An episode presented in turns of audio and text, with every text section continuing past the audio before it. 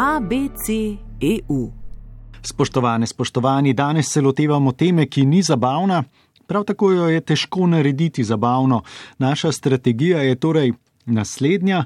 Opozorili smo vas v tem delu dešifriranja birokratsko-žargonskih poimenovanj, ne bo heca, ker danes.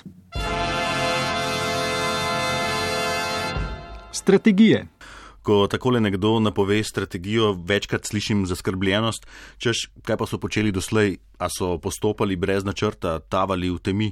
Prejšnji teden sta se za taka občutja porodili kar dve priložnosti, kaj ne? Ja, tako je. Najprej pred potrjevanjem v državnem zboru se je pri nas na ravni odbora odprla razprava o novem strateškem dokumentu in sicer o deklaraciji o usmeritvah za delovanje v institucijah Evropske unije. Na to pa so še komisija, parlament in predsedstvo sveta Evropske unije podpisali skupno izjavo o konferenci o prihodnosti Evrope.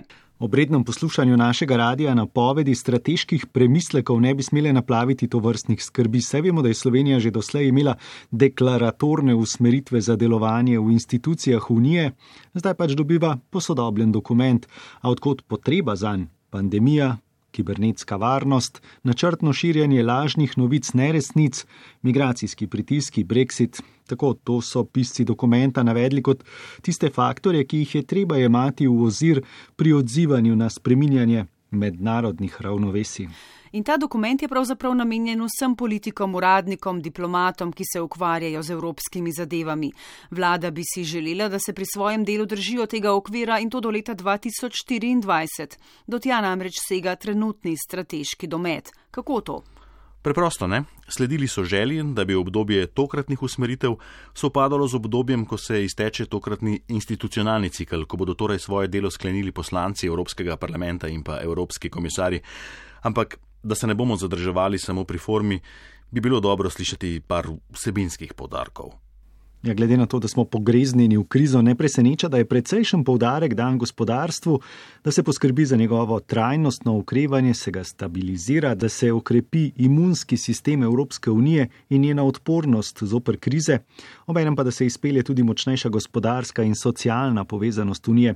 In vse to ne na račun državljanskih svoboščin, še več, da se širi tako vrednote Unije kot Unija sama in da se pač potrdi tudi zavezanost čezatlantskemu prijateljstvu. Ko sem poslušal razpravo, seveda ni bilo zaznati enakega navdušenja nad besedilom med njegovimi pisci in pa opozicijo. Ta v duhu razmer pogreša več konkretnih povdarkov glede zavezanosti vladavini prava, v duhu temeljne usmeritve unije pa več povdarka o zelenitvi gospodarstva. Ampak o tem bomo še kaj slišali v bližnji prihodnosti, zato se lahko po mojem zdaj mirno premaknemo k tisti drugi strategiji oziroma strateški razpravi.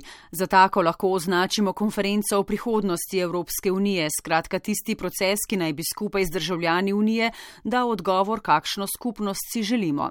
Dialog bi moral biti že v polnem zamahu od lanskega 9. maja, torej od dneva Evrope, pa je imela unija seveda več dela z lastno sedanjostjo. No, zdaj bo, kot kaže, visoka politika počakala na maj in napela ušesa, da bi se naužila idej o ambicioznosti, željah vsakdanjega človeka, prisluhnila njegovim skrbem in tako dalje in tako naprej. In to bo trajalo leto, da si v tem času ustvarijo vtis, v kakšni uniji bi radi živeli čez pet ali deset let. Če naj bi s tem projektom slišali glas ljudstva, potem mene rahlo zabava, v navednicah seveda, to, da se v prvi fazi tako močno zaganja birokratski aparat, da bo imela konferenca skupno predsedstvo, pa izvršni odbor, seveda tudi svojo plenarno konferenco na pol leta, ki bo obravnavala predloge državljanov in pa celo skupen sekretarjat. Če se takega v pristopih od spodaj na vzgor v priročnikih preprosto ne boste našli. Skratka, ko boste, spoštovani soevropejci, podali svoje predloge izboljšav, bodo taka so zagotovila, ti predlogi, ideje predebatirani, resno obravnavani. Kaj pa se bo iz vsega tega izcimilo, pa ni jasno niti približno. Konferenca se ne bi rada že vnaprej omejevala, vsekakor bo pripravila končno poročilo. Bo v tem usledila sprememba zakonodaje, morda predlogi za pogodbeno preureditev unije, in v kolikšni meri bodo dognanja konference služila za kampanjo pred prihodnimi volitvami v Evropski parlament. Bomo videli. Za začetek moramo najprej počakati, da se svojega dela sploh lotijo vile sojenice.